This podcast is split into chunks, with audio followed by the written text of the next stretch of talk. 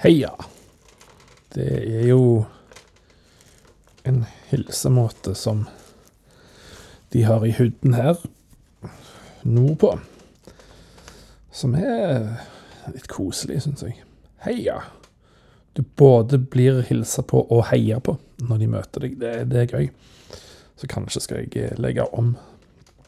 Så dere søringer, når jeg er sørpå neste gang og møter dere, kanskje sier jeg heia.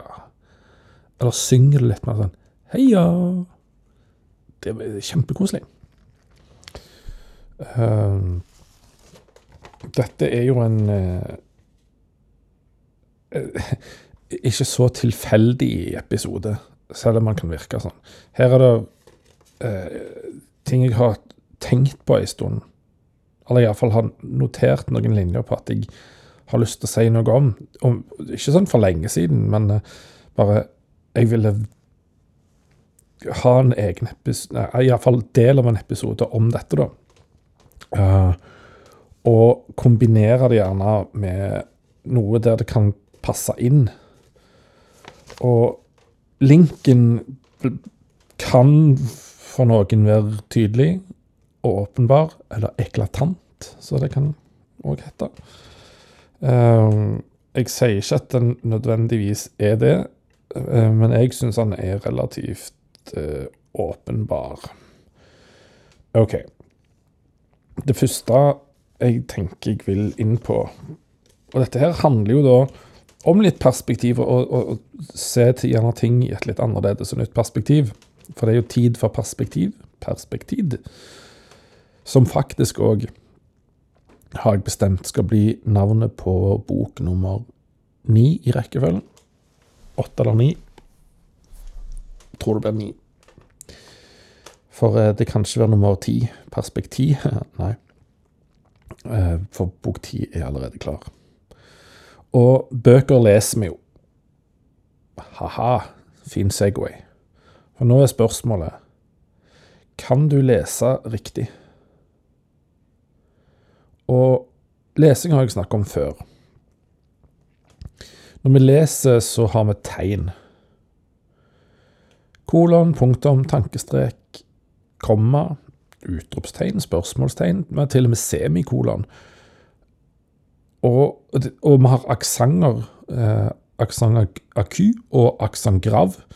Altså, eh, se for deg en eh, E, for eksempel, med den streken ovenfor, eh, som noen bruker som apostrof, forbanna mikkemakk-folk. Den som peker nede fra, eh, altså venstre nede til høyre oppe, det er jo en eh, aksent aku, heter det vel. Eh, og det, den skal uttales på én måte. Hvis du snur den at den peker fra oppe venstre til nede høyre, så skal bokstaven uttales, altså sier det en E, da, så skal den uttales på en annen måte. Og en sirkumfleks det er en kombinasjon av de to, som starter nede venstre eh, og går opp til høyre, og fra der ned til høyre. Så det ser ut som en slags pil. Eh, jeg har hørt det iallfall blitt kalt for lenge siden, som sånn datategn, en hatt. Uh, men det er nok ikke det som er navnet på den. Men ja, igjen da, det er bare fordi det er mange tegn. Og så um, er de tegna her, og da snakker jeg først og fremst om kolon, komma, punktum, tankestrek, eh, som er noe annet enn bindestrek. Og spørsmålstegn og utropstegn, de er der av en grunn det er ikke bare tilfeldig plassert av en forfatter eller et forlag.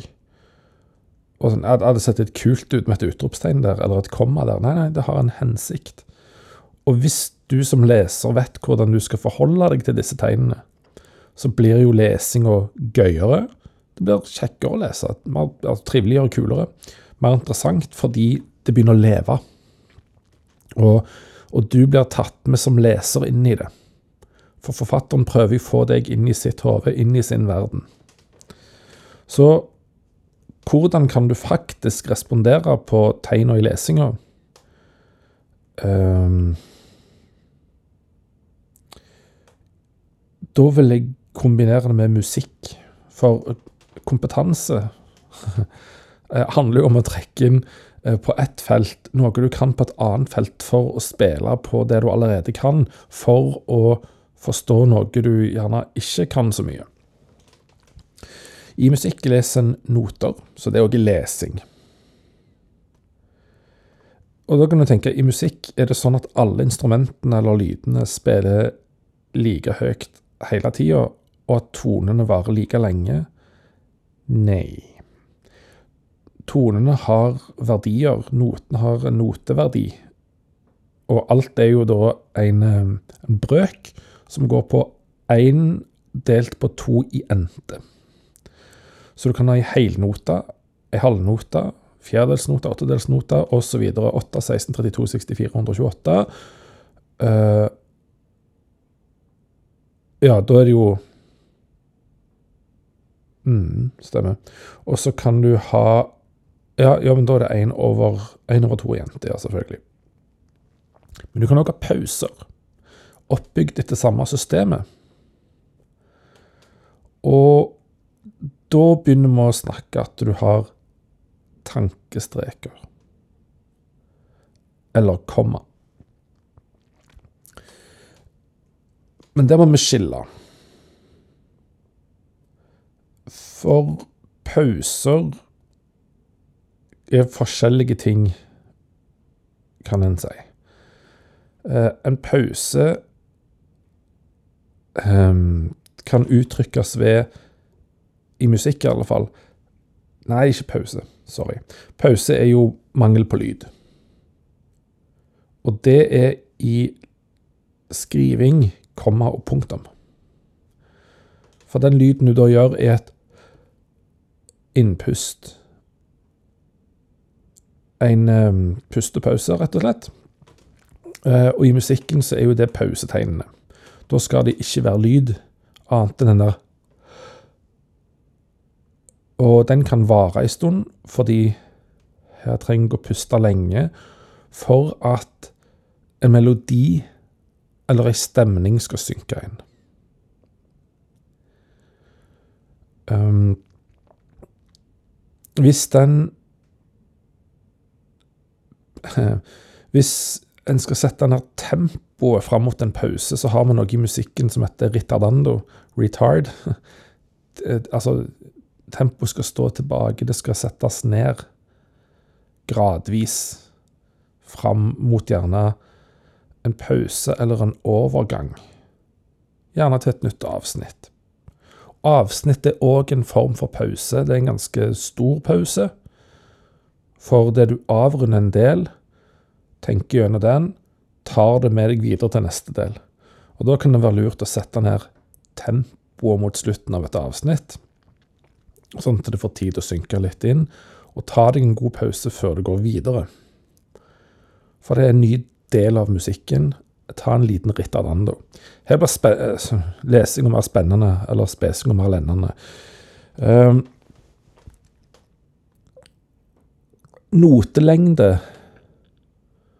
kan òg si um, Det handler om fraser. Så når du leser, skal du bygge opp spenning, eller skal skrive noe som skal bli spennende, skriv korte fraser, sånn at det er tett mellom pusterommene. Uh, det kan være faktisk tett mellom punktumene og det kan være kort avstand mellom komma for å ramse opp noe, si mye på en gang, si det veldig fort. For, når du puster veldig fort, så er det fordi du er stressa eller spent eller nervøs, et eller annet sånt. Mens når du er veldig tenkende, så er det lange fraser med masse innskudd. Og da må du bruke en annen type tegn.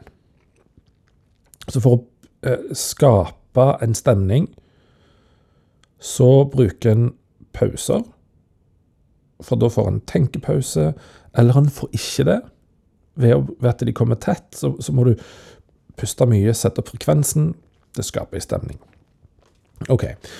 Uh, og da kan du bruke lange ord.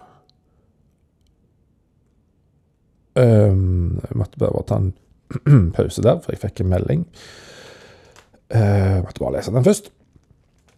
Så kan du bruke korte noter for korte ord. Korte, altså, eller dele opp et langt ord i mange små stavelser, noter. Så det har òg noe med frekvens og flyt å gjøre. For hvis du har mange korte noter, så har du et, en setning med eh, mange korte ord i. Men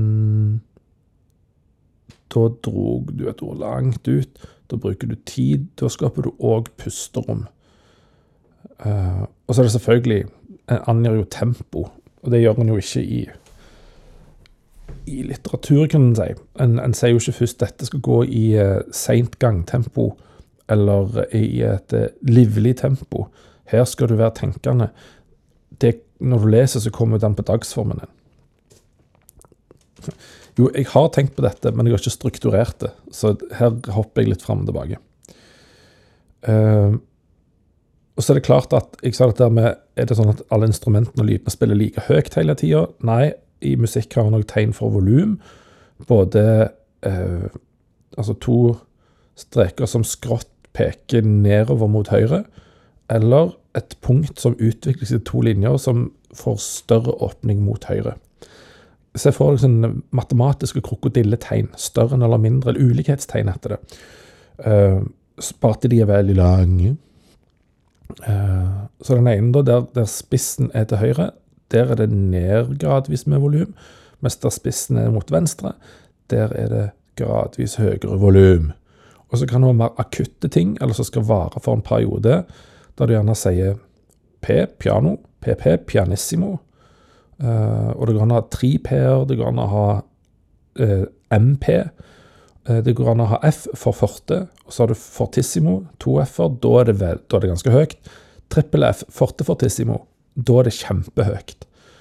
og du har MF, som er en mer akutt, sterk der. Eller du kan ha MP som er svakt der. der går det òg an å sette inn faktisk over notene et sånn um, krokodilletegn som uh, peker med åpningen mot høyre, som da betyr mindre enn. Det, skal, det kan òg bety eh, kraftig markert akkurat her. Når vi skriver, så bruker vi fet og kursiv og gjerne understrek. Ja, til og med store bokstaver. Det går an å skrive eh, med skriking. Ja, skriv med capslock. Altså du låser til kap kapitaliserte bokstaver. Ka eh, ja, capital lock. For ja, store bokstaver.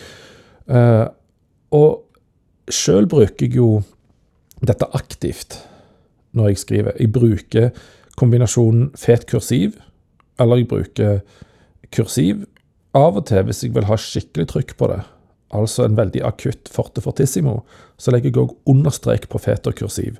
Og hvis jeg vil ha det skrikende, så kan jeg ta capslock i kursiv, capslock i fetkursiv, eh, capslock i fet understrek kursiv. Da, da roper jeg det akutt til deg. Og da må en lese det òg, da. Hvis eh, en skal ha en frase som er viktig, og som skal sies litt ekstra høyt. Og i alle fall gradvis høyere fram til slutten der du sier det høyt. Så setter du et utropstegn. Så les frasen sånn, da. Eh, når du har et spørsmålstegn bak, så avslutter du med et bestemt tonefall på denne måten her. Litt opp istedenfor litt ned når det er punktum. Når det er utropstegn, utropstegn, da snakker du bare høyt og nokså flatt. Um, og når det kommer, så snakker du relativt flatt, fordi jeg skal ha uh, både uh, vann, sukker, salt og mm. Så da ramser du opp bare komma imellom, så da, da holder du deg på, um, på samme Hva skal vi si der? Um, samme kurve. Kurven går bitte litt ned når du har punktum. Flatt når det kommer. Bitte litt opp når det er spørsmålstegn. Og så hopper hele kurven opp noen desibel, og gjerne bitte litt opp på slutten, eller markert på slutten, når du har utropstegn. Ok, dette gjør at lesinga blir mer spennende. Uh, så er det tegn som musikken har, som heter fermate. Eh, det kan du beskrive som en halvsirkel med buen opp og en prikk der sentrum er. Det heter fermatet. Da skal du utvide lengden av det tegnet som fermaten står over. Og du skal utvide med i alle fall 50% Fermaten kan stå over i nota. Da skal nota holdes ekstra lenge. Hvis det er punktert halvnote, så skal den holdes i tre eh, fjerdedelslag pluss altså minst 50% til. Så fire og et halvt fjerdedels slag skal han da holde han i. Minst. Dette tegnet syns jeg er et genialt tegn. Fordi, og, og, du kan ha den på en pause òg. Ta deg en ekstra lang pause her. Det blir nesten som å tvinge et avsnitt og hoppe over noen linjer. Men det er veldig rart å sette inn fem linjeskift, så dette i teksteditering. Um, å sette en fem linjeskift for å tvinge fram en pause, for det er bare irriterende. Og et avsnitt er ikke nok. For du skal stoppe å være litt dvelende, og du skal tenke det er en tankestrek. Og det betyr vent, vent, vent litt til, og litt til. Og du skal tenke i mellomtida. Du skal ikke bare ha en litt lengre pause og så gå videre i lesinga som et avsnitt er. Du skal faktisk aktivt tenke og reflektere. Du skal stoppe opp og kjenne etter. For det er det tankestreken er. du skal tenke. Og av og til kan han sette to tankestreker. Og tankestreker brukes veldig ofte i disse lange frasene. De som er veldig tenkende, de bygger ikke opp en sånn stressende spenning. De bygger mer opp en, en tankemessig reflekterende, grublende spenning en undrende spenning, som du gjerne kan finne i filosofien. Nietzsche er jo en mester i å bruke tankestrek. Uh, han setter gjerne i et avsnitt setter punktum etter siste ord, og så kommer det en tankestrek. Og så begynner neste avsnitt med en tankestrek. Det betyr eh, Tenk deg om når du slutter avsnittet. Og tenk deg om når du nå begynner å lese og ser hva ord som kommer etterpå, gå tilbake til tankestreken, vent litt til. Her skal du ha en kjempepause. Og da har jeg òg sjøl brukt i lyrikk, i stedet for fem linjeskift, to tankestreker. Hopp over et avsnitt, eller etter, etter, etter, eh, etter en strofe, som vanligvis folk kaller vers, altså en samling av flere linjer. I dikt er ei linje et vers. Strofe er en samling av linjer. Så på slutten av en strofe setter jeg gjerne en tankestrek, hopper over, tar linjeskift, setter inn en tankestrek til, linjeskift, fortsetter. Det å tvinge fram en tankepause. Tenkepause. Eller jeg setter i slutten av en strofe, eller bare et vers òg, to tankestreker på rad. Da er det en fermate. Så jeg vil si at lyrikken jeg skriver, har veldig mye med musikk og musikalske tegn å gjøre. Um, jeg bryter av versene på en spesiell måte, med vilje, for å tvinge deg inn i et lesemønster som har med en slags melodi og flyt å gjøre. Men for å gjøre deg til en mer bevisst leser, så knekker jeg gjerne av versene på en litt uvanlig plass for å få deg til å, kanskje ubevisst, men gjerne òg bevisst, reagere litt på Ei, skjedde der? Så jeg tenker at eh, kanskje trenger vi litt mer fermate, litt mer tankestrek i livene våre. Og kanskje trenger vi dette her òg når vi skal lese. Selv om du ikke har tekst, du kan lese med ørene, da lytter du. Og i kommunikasjon så trenger vi nok mer formatet, mer tankestrek og kanskje en del tankestreker på rad. Så tror jeg òg med fordel, for alle har lyst til å gjerne få litt mer spørsmålstegn. Men her vi kommer inn på å gi for å få. Kanskje du òg må gi Nå snakker jeg til meg sjøl òg. Bli flinkere til å gi spørsmålstegn til andre. For da får du sjøl òg. Og vi syns det er ganske fint og kjekt å få spørsmålstegn. For da kan vi fortelle om ting som er inni oss, enten om oss sjøl, eller om ting vi tenker på og bryr oss om, og som er viktig for oss. Det var det perspektivet. Skal vi se Å oh, ja, OK.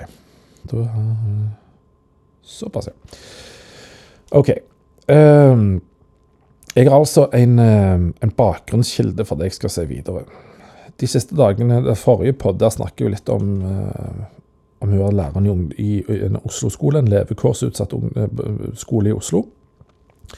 Og så nevnte jeg en sak med Sandelsson og et utvalg som disse begge to, hun i Oslo-skolen og Sandelsson i Aftenbladet, kommenterte på. Og så har dette utvalget svart. Og så har òg eh, Aftenbladet skrev en leder om dette, og den heter 'Hvor ble de praktiske fagene av?'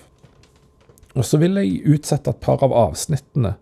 Og avsnittet i dag er så forbanna korte. Det er gjerne én til to setninger. Langt hvis det er tre, så kommer det nytt. Det er en veldig sånn bloggstil på skrivinga. Ok. Det ene er sitat. Noen av disse tingene vet vi mer om enn andre. Vi vet, etter at forsker Elise Farstad Djupedal, Djupedal fortalte oss det, at timetallet i skolen har økt med 1359 timer mellom 1990 og 2008. Tilsvarende to skoler. Det ene året sto seksårsreformen for, mens resten er flere timer, og de fleste av dem har kommet i norsk og matte, og i de yngste klassene. OK, det var det sitatet. Jeg tar ikke stilling til rett eller galt nå. Nå vil jeg bare komme med et perspektiv. Og det er ikke for å forsvare eller angripe, det er bare for å komme med et perspektiv. Hvorfor skjer dette? Politikerperspektiv. Og kanskje òg det.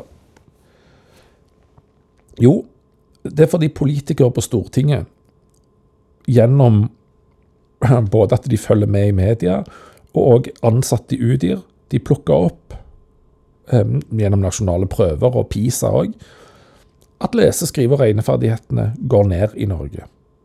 Vi må gjøre noe. Da liksom Udir følger med på dette, sier til politikerne, uh, og de plukker det opp, og departementet plukker det opp Vi er nødt til å gjøre noe. Og så kommer jo selvfølgelig eh, disse her eh, byråkratene, de kommer med, og saksbehandlerne og alt det der, de kommer med en innstilling til Stortinget, og Stortinget eh, enten vedtar den som man står, eller de endrer den og kommer med sine forslag og uh, sin farge på det. Regjeringen gjør sine ting, og så eh, vedtas noe. Ok, Da gjør de noe. Eh, og da må man tenke hva har stortingspolitikere og regjering hva har de mulighet til å gripe inn i? De kan ikke gå inn og instruere metoder.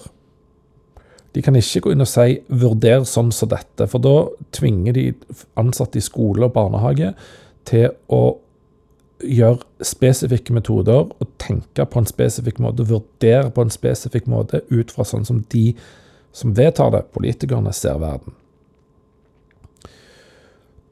De kan gjøre noe med rammene. Og det er jo timetall. Jo da, så det er en ting til vi må skyte inn, fordi det er politikerperspektivet jeg ser på nå.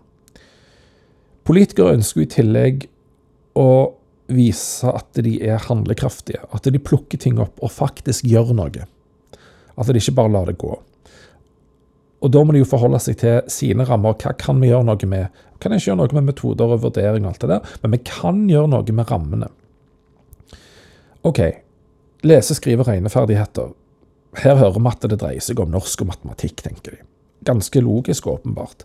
Det vi gjør da, for å vise at vi er handlekraftige, vi gjør noe kvantitativt, for da kan ingen ta oss på det. Ingen kan si at vi ikke har gjort noe. Vi øker antall timer i disse fagene. Og det logiske er å øke antall timer når du har begynneropplæring, for hvis du får det til da, så er jo grunnlaget og grunnmuren bygd for seinere. Så vi øker antall timer i norsk og matematikk i de første årene. Ta-da! Så, sånn sett er det bare logisk. Nå har de vist handlekraft, og velgerne kanskje bruker det mot dem. For de gjør jo et konkret tiltak som er helt logisk og enkelt å forstå for alle. Og så adresserer de en utfordring som alle er enige om at er et problem, og at det må gjøres noe med. Hvorvidt tiltakene er riktige og funker, er en annen sak. Det viser vel bare at kvantitative tiltak ikke nødvendigvis er kvalitative løsninger på en sammensatt utfordring.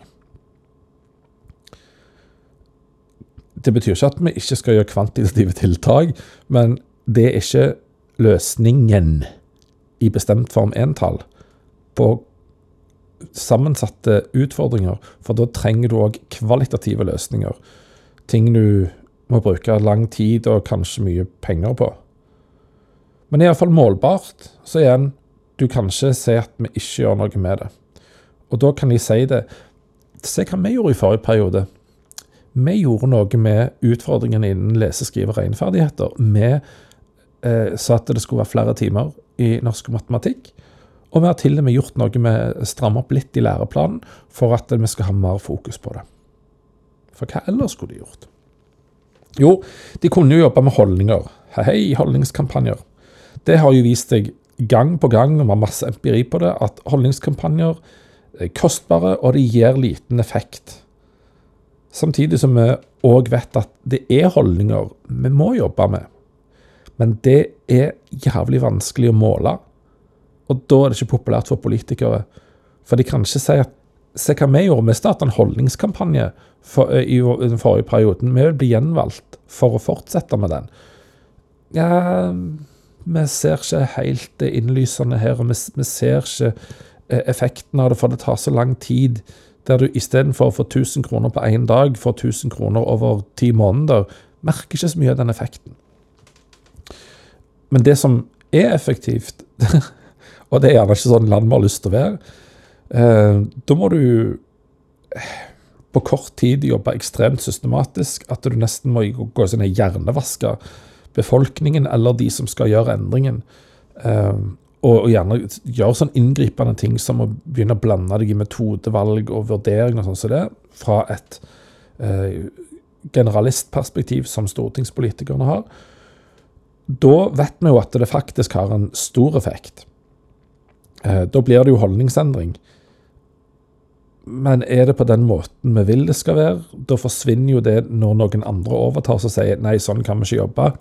Der forsvant antageligvis mye av effekten. Fordi åh, nå får vi frihet til å velge igjen, så da gjør vi det. Og da er det det som er signalet. Tenk sjøl, dere bestemmer metoder og vurderinger her. Vi bare sier timeantallet skal være sånn. Men klart, da blir, jo, eh, da blir det jo krevende og kostbart og det tar eh, lang tid, og det er vanskelig å måle. Derfor gjør politikere sånne grep. Det er helt logisk at de setter opp timetallet i norsk og matte, eller i de fagene der det er logisk å sette opp timetallet. Sett timetallet opp, for det kan vi faktisk gjøre noe med.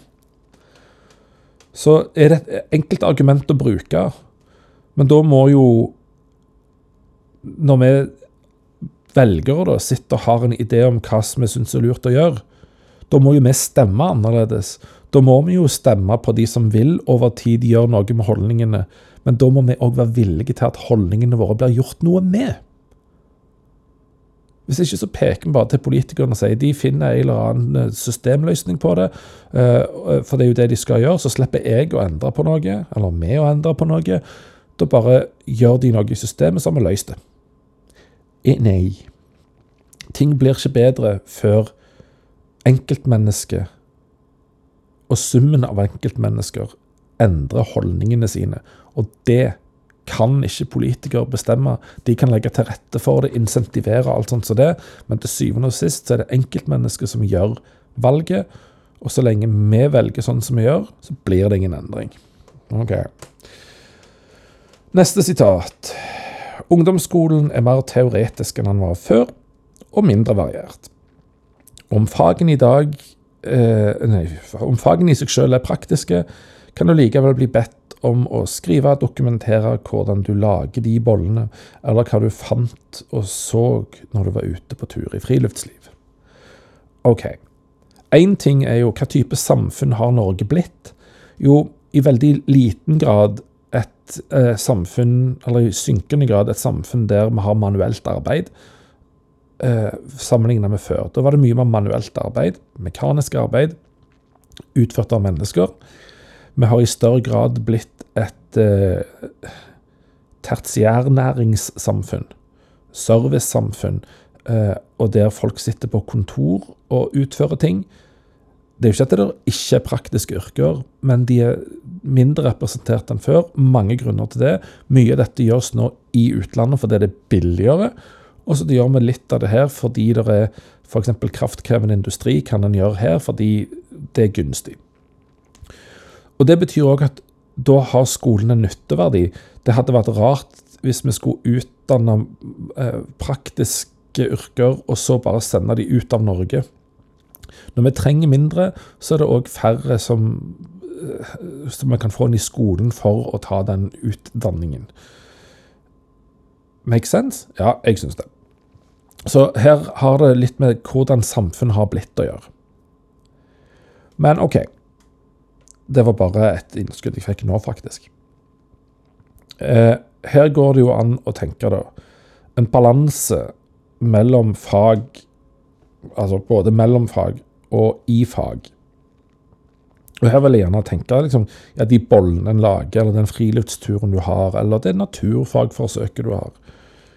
OK, balanse i et fag. Vurder helhetlig. Det går an å gi uttrykk for, altså ordlegge seg og redegjøre for noe, like bra muntlig som skriftlig. Og det å gi uttrykk for, eller å redegjøre, er jo en ferdighet, det er verb i, i læreplanen så det er ferdigheter som skal utvikles. Og det står ikke 'redegjør skriftlig', det står bare 'redegjør'. Av og til står det 'redegjør skriftlig' eller 'redegjør muntlig', men det å redegjøre i seg sjøl er en ferdighet. Og det å uttrykke, gi uttrykk for, er òg en, en, egen ferdighet. Så om du tar vekk altså, Ikke altså, sånn sidestille, likestille muntlig, skriftlig, så tar ikke det vekk verdien av at du kan redegjøre som en selvstendig ferdighet, eller gi uttrykk for som en selvstendig ferdighet. Noen flinke skriftlig å redegjøre og gi uttrykk for, noen muntlig, noen begge. Det skal ikke være sånn at det skriftlige er bedre og mer høyverdig.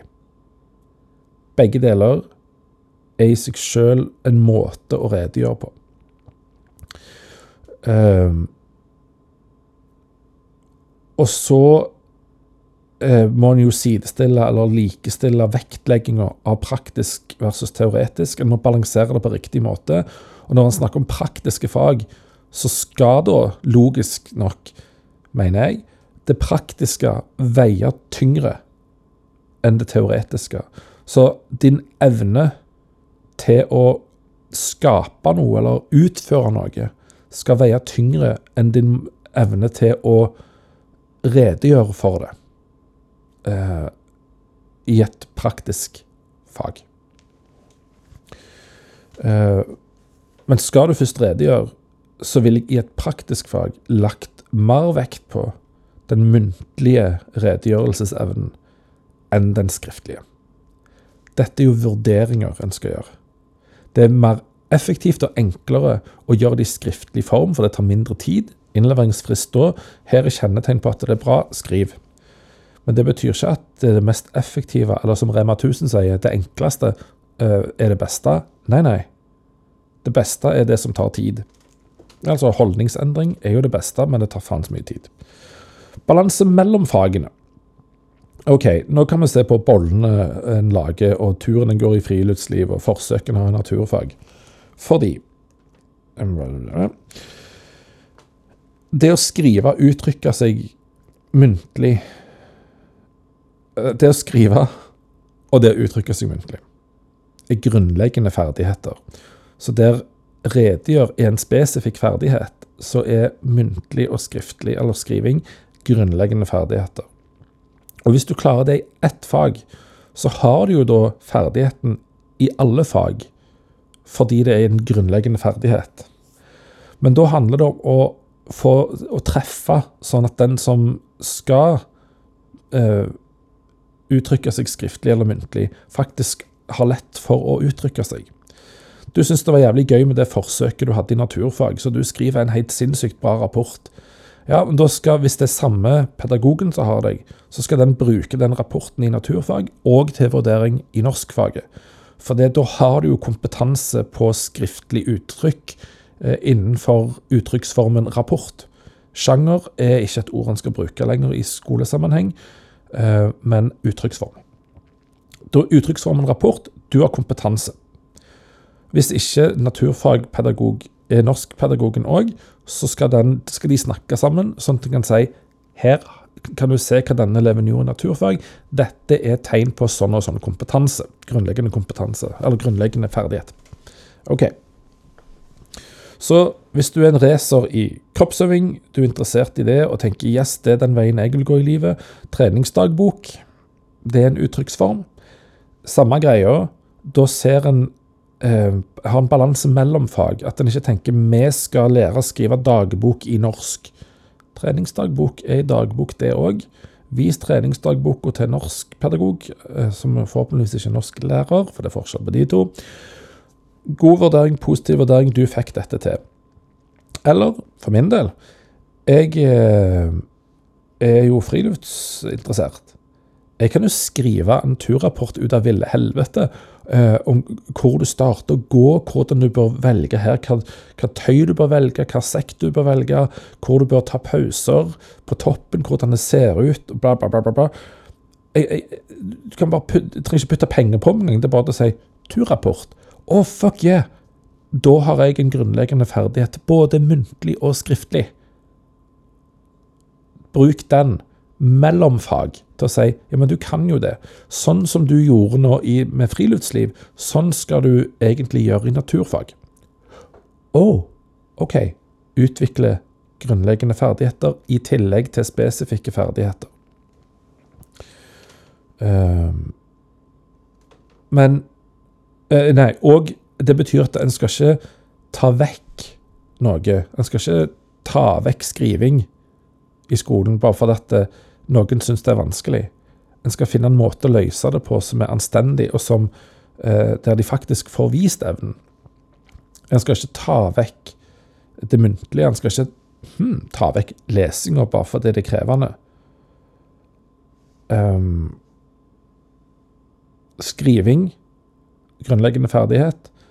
Det å skrive et manus som er hensiktsmessig og funksjonelt, det er en viktig ferdighet å ha. Da skriver du eh, Når du leser, hva er god funksjonell lesing eh, når vi kommer ut i samfunnet? Jo, du kjører bil eller moped, motorsykkel. Det går jævlig fort. Du må bare registrere kjapt. Og da må eh, databasen i hodet ditt være lett tilgjengelig, og prosesseringen må gå fort. Altså regninga må gå fort. Regnehastigheten. Prosessering på en datamaskin. sant? Regnehastighet. Um, når du ser et skilt, så må du fort forstå hva skilt er dette. Inn i hjernen regner. du leser det, du prosesserer fort og omsetter det til en output, altså en handling. Så lese skilt og symbol er ganske viktig i livet. Da har du livsmestring som tverrfaglig tema. Ehm, og det kan faktisk ha betydning for liv og helse. Og at du klarer å ta lappen, ja, teorikurset Og kunne bli en fungerende og trygg sjåfør. Så der med lesing, En skal ikke ta vekk lesing, men en må kanskje tenke litt annerledes rundt lesing, ref. Tidlige, tidligere episoder. Um, for å tenke det i et større perspektiv enn bare å lese uh, bokstaver i den høyverdige romanen. At det skal være målet. Nei da, det går an å lese på mange måter. Så eh, dette var et forsøk på å bare balansere litt eh, de tingene som blir sagt i den Aftenbladet-saken at det går an å balansere mellom fag og i fag. Eh, og kanskje er det en grunn til at skolen uh, har den, prak nei, den ja, mindre praktisk vinkling enn teoretisk pga. den type samfunn vi har. Jeg sier altså ikke rett eller galt her, jeg bare prøver å gi eh, helt sånn objektive perspektiv på at kanskje det er en grunn til at det er sånn. Så må vi heller gjøre noe med grunnene hvis vi ikke liker det. Da sier jeg tydelig du, uh, Bang og alt det der. Ha en fin dag.